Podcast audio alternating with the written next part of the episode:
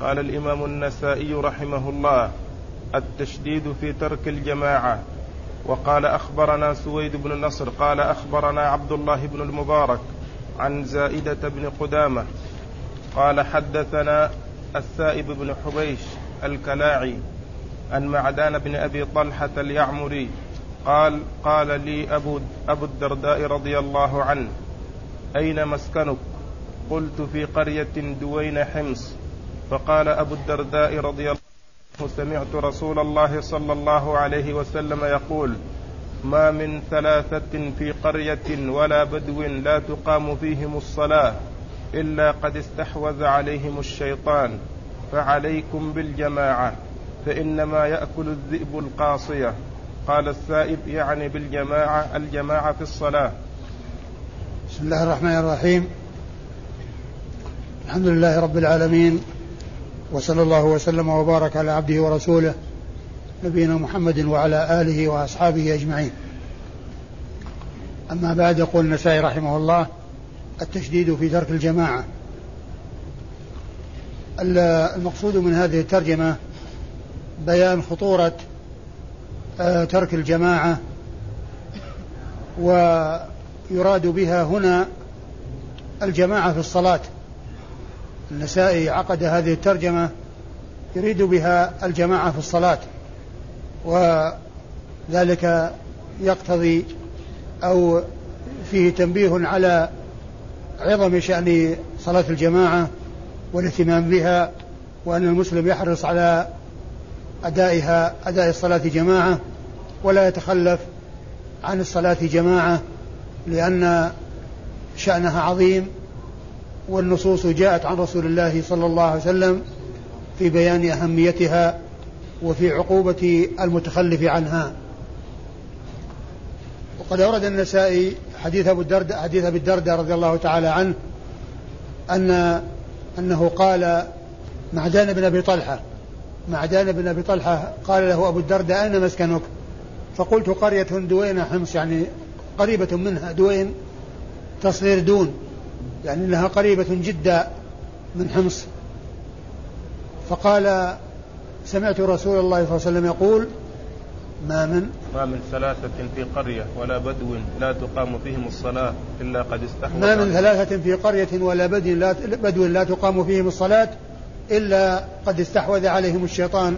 فعليكم بالجماعة فإنما يأخذ الذئب من الغنم القاصية. فأبو الدرداء سأل آه، آه، معدان بن أبي طلحة عن مسكنه وأخبر أنه قريب في قرية قريبة جدا من حمص. فأرشده إلى أن الجماعة واجبة ولازمة وأن على كل أهل قرية وكذلك كل بدو يرتحلون وينتقلون من مكان إلى مكان وينزلون في بلد في مكان معين من من الفلات فإنهم يصلون الجماعة ويقيمون الجماعة ولا يصلي كل واحد وحده. وقد آه، أسند إلى رسول الله عليه الصلاة والسلام أنه قال ما من ثلاثة في قرية ولا بدو يعني سواء كانوا من أهل القرى أو من أهل البادية. يعني إذا كانوا آه هذا العدد الذي هو ثلاثة ولا تقام فيهم الجماعة إلا استحوذ عليهم الشيطان.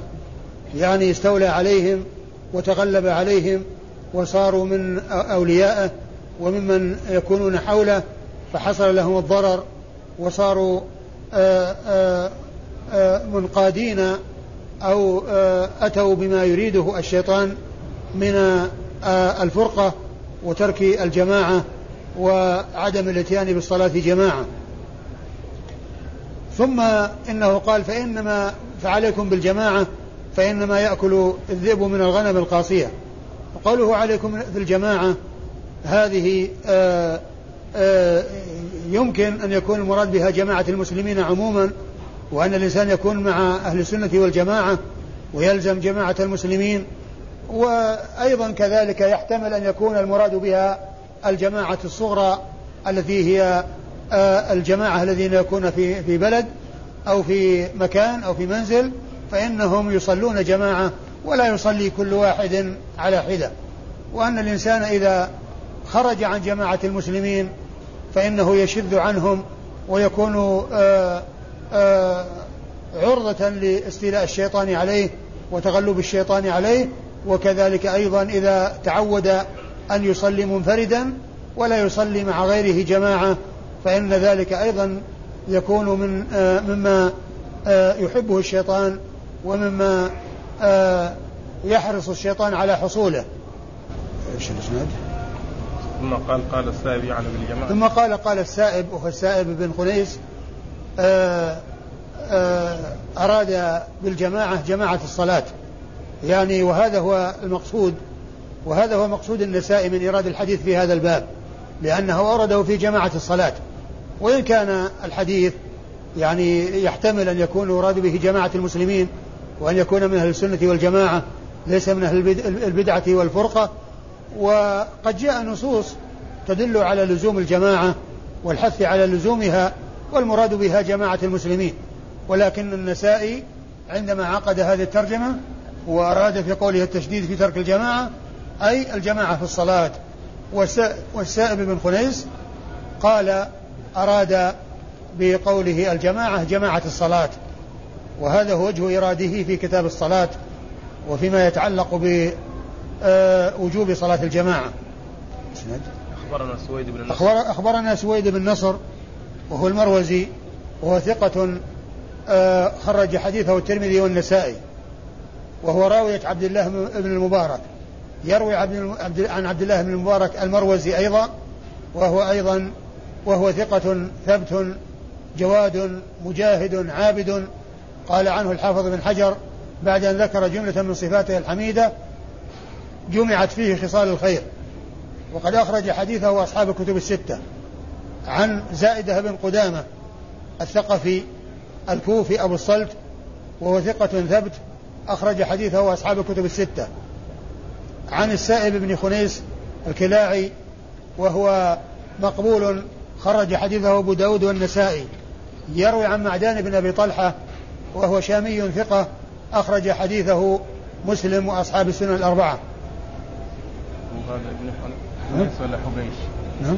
السائب ابن حبيش ولا حنيش؟ مش عندك إيش؟ حبيش؟ أيوه عندي حبيش. لا حبيش نعم. السائب بن حبيش. السائب بن حبيش. نعم. قال عن, عن أبي الدرداء؟ نعم. عن أبي الدرداء وهو عويمر بن زيد الأنصاري صاحب رسول الله عليه الصلاة والسلام وهو مشهور بكنيته وحديثه أخرجه أصحاب الكتب الستة. قال التشديد في التخلف عن الجماعة وقال أخبرنا قتيبة عن مالك عن أبي الزناد عن الأعرج عن أبي هريرة رضي الله عنه أن رسول الله صلى الله عليه وسلم قال والذي نفسي بيده لقد هممت أن آمر بحطب فيحطب ثم آمر بالصلاة فيؤذن لها ثم آمر رجلا فيؤم الناس ثم أخالف إلى رجال فأحرق عليهم بيوتهم والذي نفسي بيده لو يعلم أحدهم أنه يجد عظما ثمينا أو مرماتين حسنتين لشهد العشاء. ثم ورد النسائي هذه الترجمة وهي باب وهي التشديد في التخلف عن صلاة الجماعة. الفرق بين هذه الترجمة والترجمة السابقة أن الترجمه السابقة يعني عدم إقامة الجماعة. تشديد في عدم إقامة الجماعة، يعني عدم وجودها.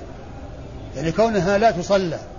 وأما هنا هي تصلى ولكن يتخلف بعض الناس عنها هي مقامة والمساجد قائمة ويصلى فيها لكن هناك من يتخلف عن صلاة الجماعة فذاك التشديد في ترك الجماعة يعني كان كون الجماعة لا توجد لا يوجد صلاة جماعة يكونون في بلد وكل واحد يصلي على حدة وليس هناك مسجد يجمعهم ولا مكان يجتمعون فيه لأداء صلاة الجماعة فهم تاركون لصلاة الجماعة. الجماعة غير مقامة. هذا هو المقصود بالترجمة السابقة. التشديد في ترك الجماعة يعني أنها أنها لا تقام صلاة الجماعة. وأما هنا في التخلف عن صلاة الجماعة. الجماعة مقامة ولكن يحصل من بعض الناس أن يتخلفوا عن حضورها وعن الإتيان إلى المساجد لأدائها. أورد النسائي في هذه الترجمة حديث أبي هريرة رضي الله عنه أن النبي عليه الصلاة والسلام قال والذي نفسي بيده لقد هممت أن أمر بحطب فيحطب ثم آمر في الصلاة فيؤذن لها ثم آمر رجلا فيؤم الناس ثم أخالف إلى رجال لا يشهدون الصلاة فأحرق عليهم بيوتهم بالنار. ثم قال والذي نفسي بيده لو يعلم أحدهم أنه يجد عظما سمينا أو مرماتين حسنتين لشهد العشاء. لشهد العشاء. آه فقوله عليه الصلاة والسلام والذي نفسي بيده لقد هممت أن آمر بحطب فيحطب يعني أنه يكلف من يجمع حطبا ويهيئه ويعده و ثم يأمر بالصلاة فيؤذن لها ثم يأمر رجلا فيؤم الناس ثم هو يذهب إلى أناس لا يشهدون الصلاة فيحرق عليهم بيوتهم في الوقت الذي هم متلبسون في المعصية. في الوقت الذي هم متلبسون بالمعصية وهي تخلف عن صلاة الجماعة.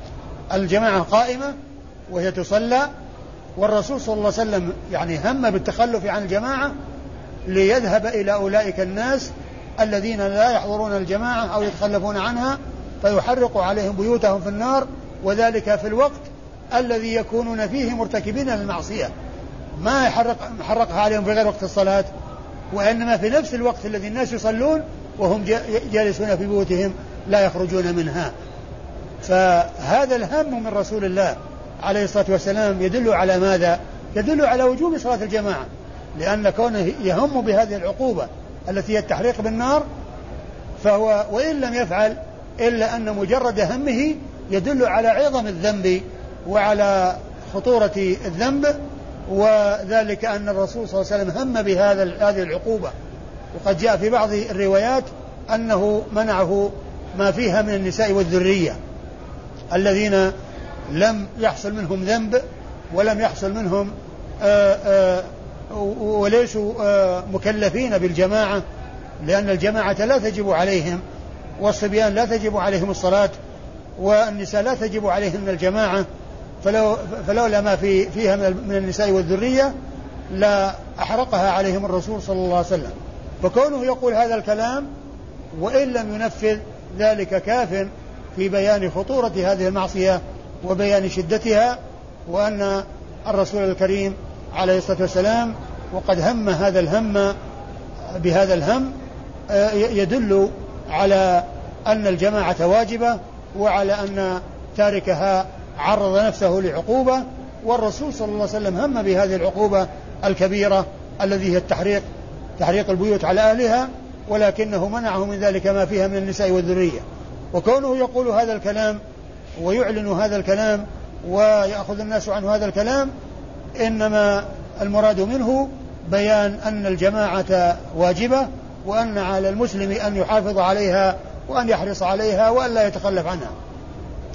والتخلف عن صلاة الجماعة من علامات النفاق. هكذا كان أصحاب, كان أصحاب رسول الله عليه الصلاة والسلام ورضي الله عنهم وأرضاهم آه، يتهمون من يتخلف عن الجماعة بالنفاق. وكان آه، عبد الله بن عمر رضي الله تعالى عنهما يقول كنا إذا افتقدنا الرجل آه، في صلاة العشاء اتهمناه. وعبد الله بن مسعود كما سيأتي في الحديث الأثر الذي بعد هذا أو قريبا من, من قريبا من هذا الحديث يعني سيأتي في هذا الدرس أنه قال ولقد رأيتنا وما يتخلف عنها إلا منافق معلوم النفاق. ولقد رأيتنا وما يتخلف عنها أي الصلاة إلا منافق معلوم النفاق. ثم بين عليه الصلاة والسلام أن آه، شأن المنافقين الذين يتخلفون عن الصلاة أنهم همهم الدنيا وليس همهم الآخرة وأن الواحد منهم لو علم بأن هناك لحم في المسجد يؤكل ولو كان ذلك اللحم هزيلا ولو كان يسيرا ولو كان قليلا فإنه يأتي إلى المسجد من أجل أن يظفر بنصيب من الدنيا. وقال والذي نفسي بيده لو يعلم أن أحدهم أنه يجد عظما سمينا يعني عظم عليه لحم واللحم سمين أو مرماتين حسنتين قيل هما ظلف الشاة وما بينهما من اللحم وذلك كناية عن حقارة آه هذا الشيء الذي آه يحرص عليه المنافقون. ولو كانوا يعلمون أن في المسجد مثل هذا اللحم الذي هذا وصفه فإنهم يحضرون لصلاة العشاء من أجل أن يحصلوا نصيبا من هذا هذا المتاع الدنيوي الذي هو عظم عليه لحم أو آه، مرماتين حسنتين يعني بينه ظلف أشياء وما بينهما من اللحم. يعني كناية عن حقارة هذا الذي يحرصون عليه ومع ذلك يتركون ما عده الله عز وجل من الأجر العظيم والثواب الجزيل. ولهذا قال ولا يعلمون ما في بعض الروايات ولا يعلمون ما فيهما من الأجر لأتوهما ولو حبوا ولا يعلمون ما فيهما من الأجر لأتوهما أي صلاة العشاء والفجر ولو حبوا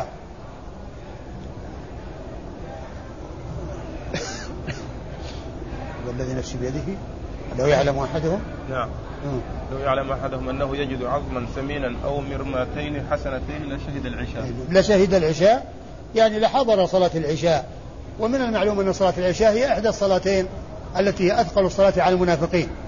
كما مر بنا في الحديث قريبا إن هاتين الصلاتين أثقل الصلاة على المنافقين يعني العشاء والفجر. قال ولو يعلمون ما فيه من الأجر لأتوهم ولو حبوا ولو ولو والذي نفسي بيده لو يعلم أحدهم أنه يجد عظما سمينا أو مربة حسنتين لشهد العشاء. يعني حضر صلاة العشاء في المسجد لا من أجل الصلاة ولا من ولكن من أجل اللحم الذي يكون في المسجد وهو بهذا الوصف الذي هو حقير وقليل. قال أخبرنا قتيبة.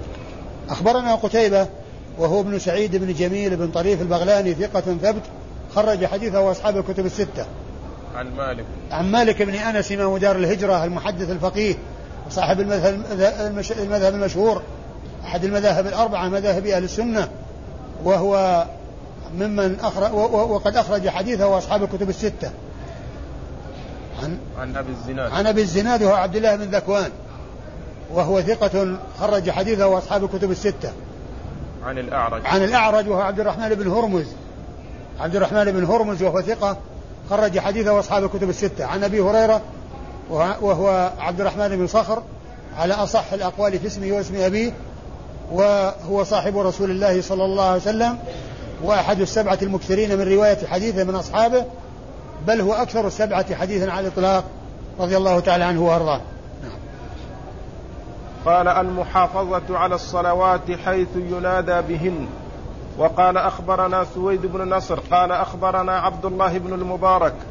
والحديث الذي مر يعني يدل على أن الصلاة في البيوت لا تقام جماعة وإنما الجماعة في المساجد لأنه لو كان إقامتها جماعة في البيوت يكون كافيا لما استحقوا هذه العقوبة ويمكن أن يكونوا يصلون جماعة في البيوت ويمكن أن يؤدوا الصلاة جماعة في البيوت. لكن البيوت ليست محلا لإقامة صلاة الجماعة وإنما محل إقامة صلاة الجماعة هي المساجد. كما جاء ذلك موضحا في أثر عبد الله بن مسعود الآتي. نعم.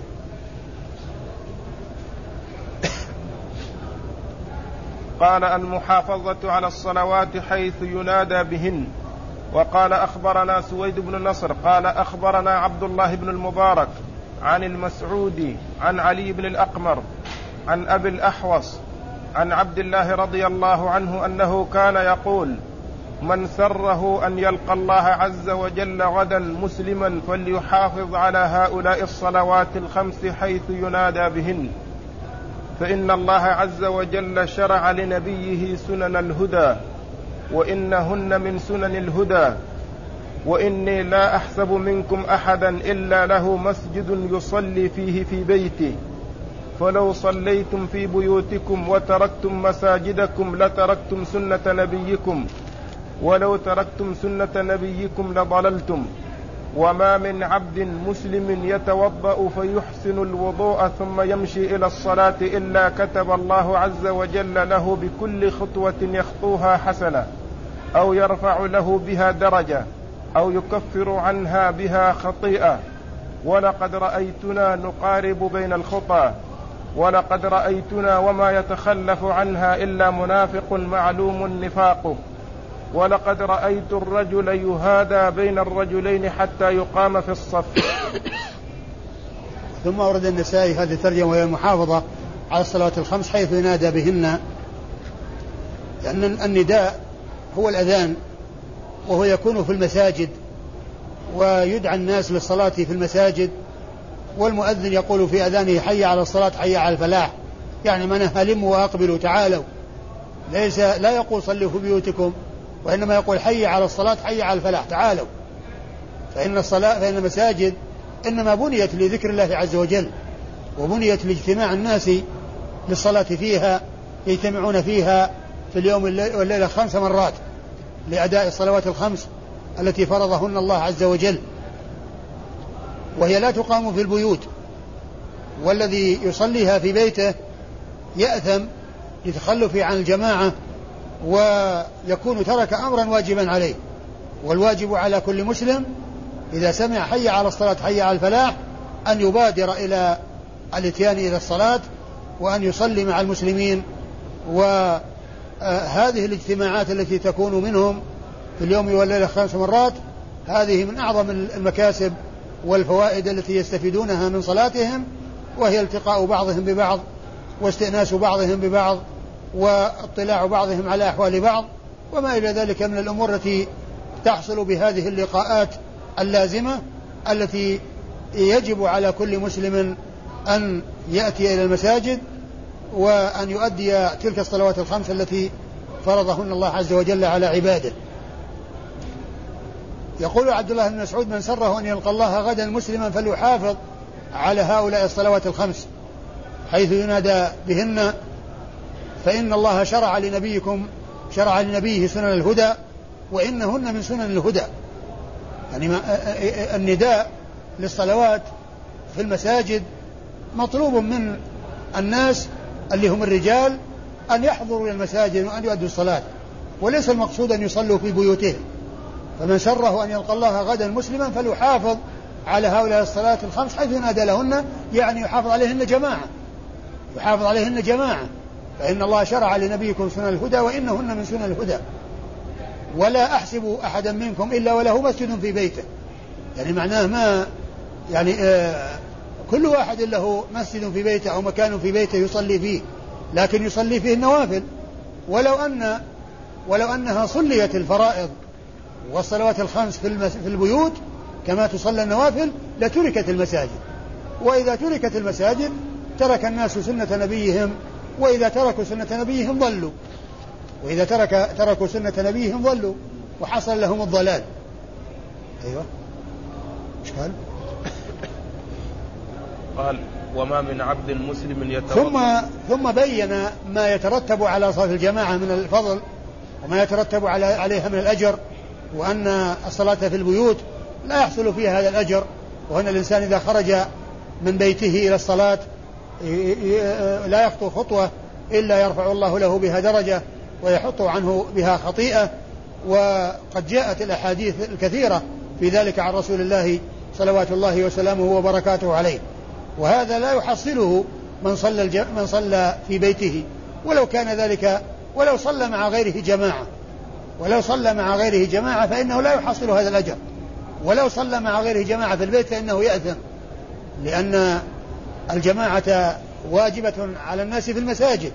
وليس المقصود أنها واجبة عليهم في البيوت وأن كل اثنين أو ثلاثة يكونون في بيت يصلون مع بعض في بيتهم ولا يخرجون للصلاة. لا بل يجب على كل مسلم يسمع حي على الصلاة حي على الفلاح أن يخرج إلى المسجد وأن يأتي إلى المسجد ليؤدي صلاة الجماعة.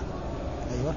قال ولقد رأيتنا نقارب بين الخطى. ولقد رأيتنا نقارب بين الخطى. يعني معناه حتى تكثر الخطى ولا يسرعون يعني يمشون مشيا وإيدا يعني بسكينة ووقار وبدون استعجال وبذلك تكثر الخطى ويحصلون الأجر في ذلك بكل خطوة يخطوها ويحطها فإن الله تعالى يكتب له بها حسنة ويحط عنها عنه بها خطيئة. أيوه. قال ولقد رأيتنا وما يتخلف عنها. ولقد رأيتنا يعني آه يعني أصحاب رسول الله عليه الصلاة والسلام وما يتخلف عنها إلا منافق معلوم النفاق. يعني علامة المنافق عند الصحابة أن يكون متخلفا عن صلاة الجماعة وأنه لا يأتي إلى المساجد. هذه علامة النفاق عند أصحاب رسول الله. ولقد رأيتنا وما يتخلف عنها إلا منافق معلوم النفاق. ومثل هذا قول عبد الله بن عمر رضي الله تعالى عنه الذي أشرت إليه آه كنا إذا افتقدنا الرجل في صلاة العشاء اتهمناه. كنا إذا افتقدنا الرجل في صلاة العشاء اتهمناه.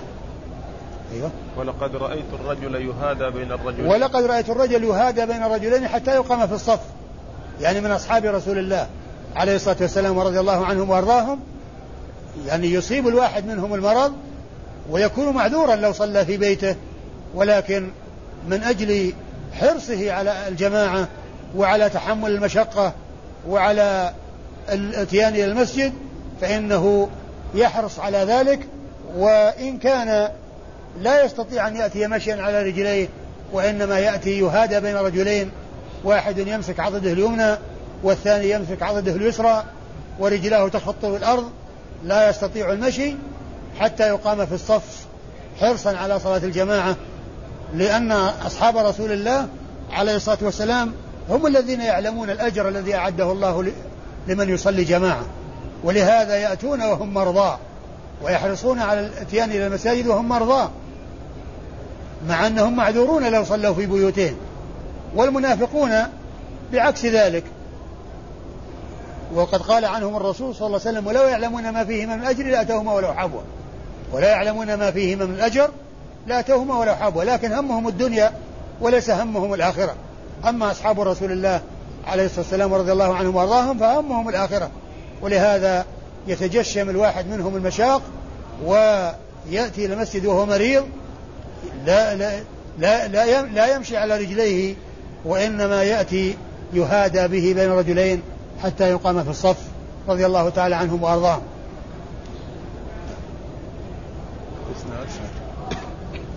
أخبرنا سويد بن نصر. أخبرنا سويد بن نصر عن عبد الله بن المبارك وقد مر ذكرهما قريبا.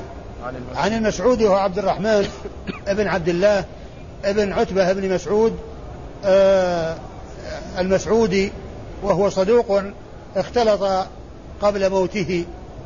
وقال الحافظ بن حجر علامة ذلك أن من سمع منه ببغداد فبعد الاختلاط.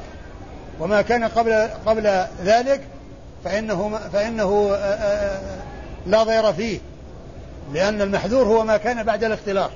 وأما ما كان قبل الاختلاط فهذا هو الذي لا يؤثر على الرواية عن المختلط. و حديثه أخرجه. البخاري تعليقا والأربعة. البخاري تعليقا وأصحاب السنن الأربعة. البخاري تعليقا وأصحاب السنن الأربعة. عن علي بن الأقمر. عن علي بن الأقمر وهو ثقة خرج حديثه أصحاب الكتب الستة. عن أبي الأحوص. عن أبي الأحوص وهو عوف بن مالك الكوفي وهو ثقة خرج حديثه. البخاري في الأدب ومسلم البخاري في الأدب المفرد ومسلم وأصحاب السنن الأربعة. البخاري في الأدب المفرد ومسلم وأصحاب السنن الأربعة.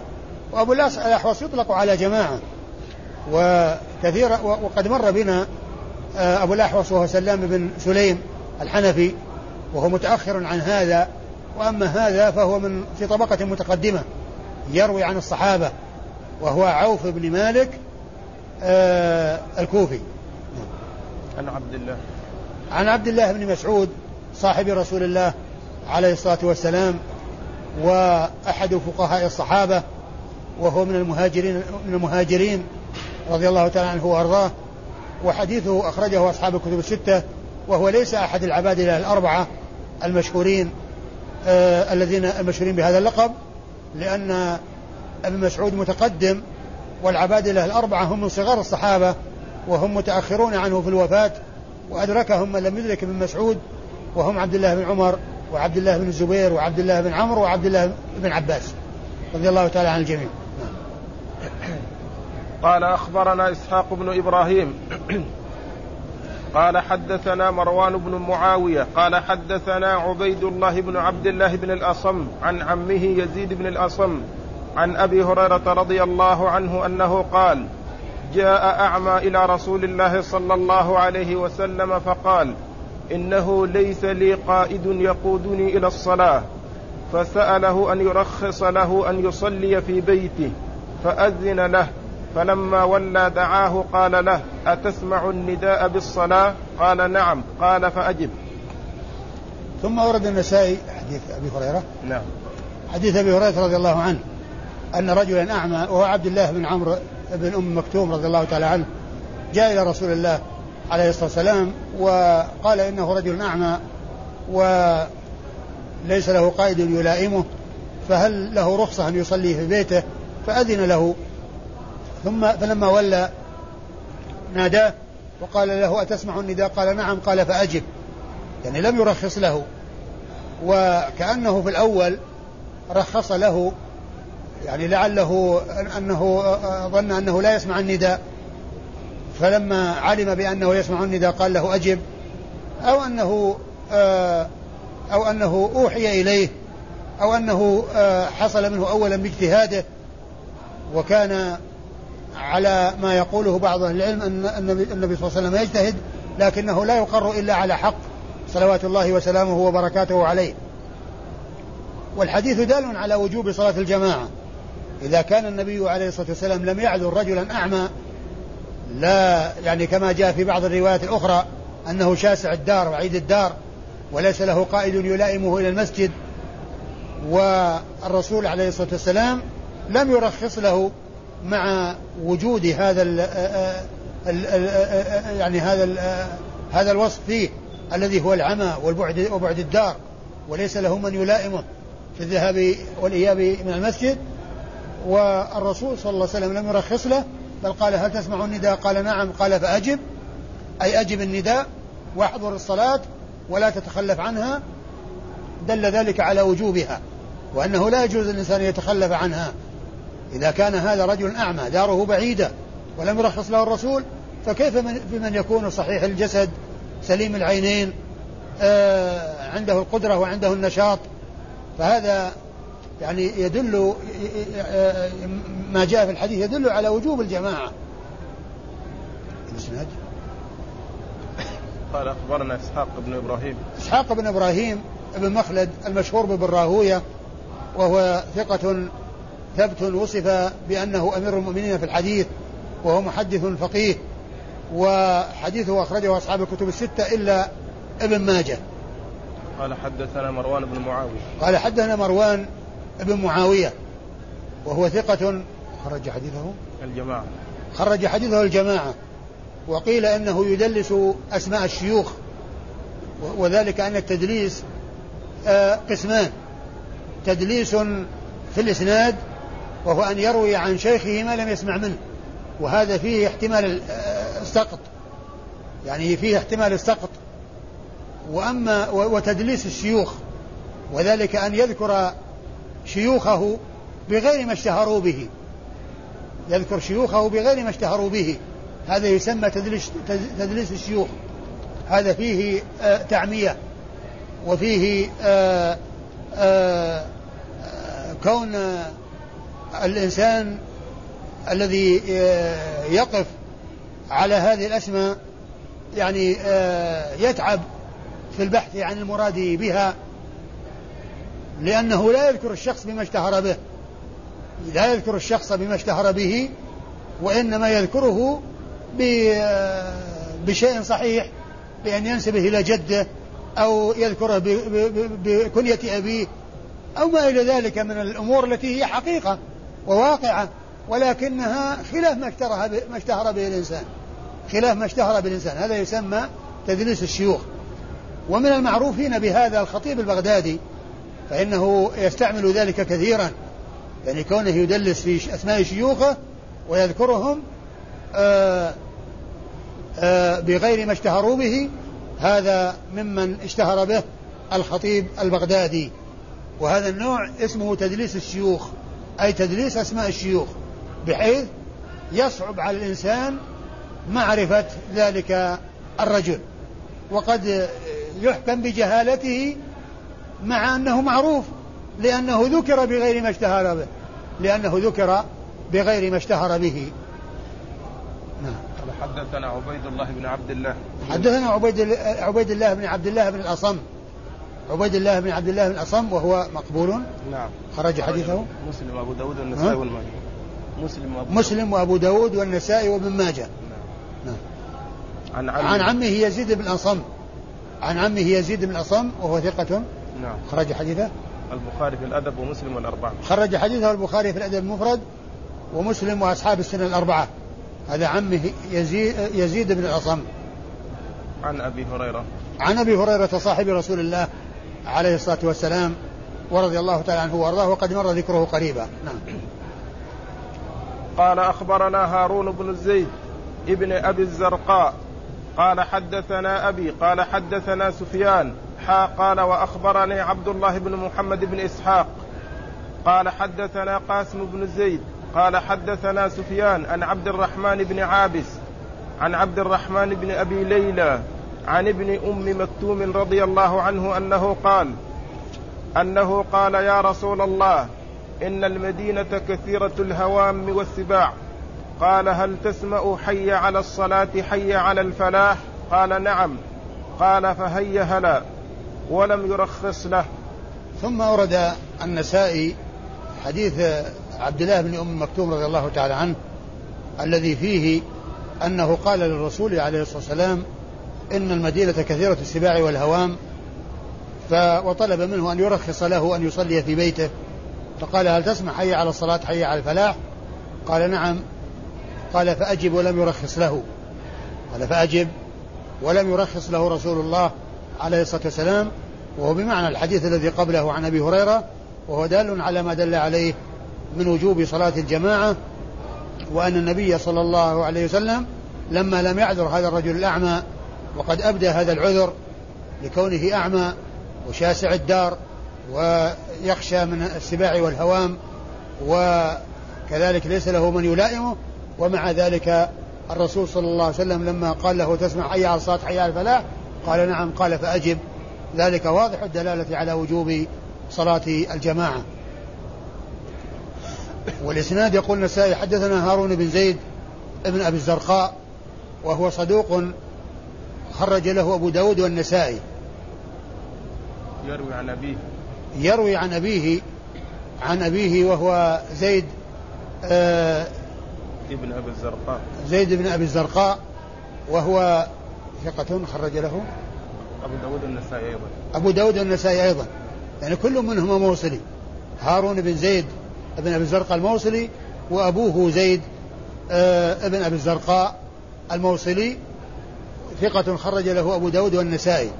قال يروي عن سفيان وهو الثوري وسفيان هو سفيان بن سعيد بن مسروق الثوري المحدث الفقيه وصف بأنه أمير المؤمنين أمير المؤمنين في الحديث وهو من أعلى صيغ التعديل وحديثه أخرجه أصحاب الكتب الستة.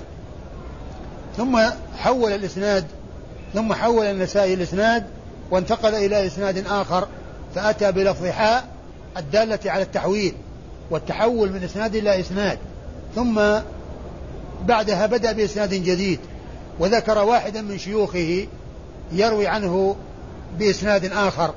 فقال أخبرنا عبد الله بن محمد بن إسحاق. أخبرنا عبد الله بن محمد بن إسحاق. قال أخبرني أخبرنا عبد الله بن محمد بن إسحاق؟ ثقة خرجه أبو داود. ثقة؟ أيوة ثقة. نعم ثقة خرج له أبو داود النسائي. نعم. عن قال حدثنا قاسم بن زيد. قال حدثنا قاسم بن يزيد الموصلي. هو قاسم بن يزيد وليس قاسم بن زيد. قاسم بن يزيد الموصلي وهو ثقة خرج حديثه النسائي وحده. قال حدثنا سفيان. قال حدثنا سفيان وهو بن الثوري وهنا التقى الإسنادان. التقى الإسنادان من النسائي يلتقيان بسفيان الثوري. قال حدثنا عبد الرحمن بن عابس. نعم. حدثنا عبد الرحمن بن عابس بن ربيعة. عبد الرحمن بن عابس بن ربيعة وهو ثقة وهو النخعي الكوفي وهو ثقة خرج حديثه. البخاري ومسلم وأبو داود والنسائي وابن ماجه. خرج حديثه أصحاب الكتب الستة إلا الترمذي. خرج حديثه أصحاب الكتب الستة إلا الترمذي فإنه لم يخرج له شيئا. عن عبد الرحمن بن أبي ليلى آه وهو من, من وهو تابعي حديثه أخرجه أصحاب الكتب الستة. عن ابن أم مكتوم وعبد الله بن عمرو آه ابن أم مكتوم آه مشهور آه بهذه النسبة حيث يقال له ابن أم مكتوم وهو صاحب رسول الله صلوات الله وسلامه وبركاته عليه والله تعالى أعلم وصلى الله وسلم وبارك على عبده ورسول نبينا محمد وعلى آله وأصحابه أجمعين.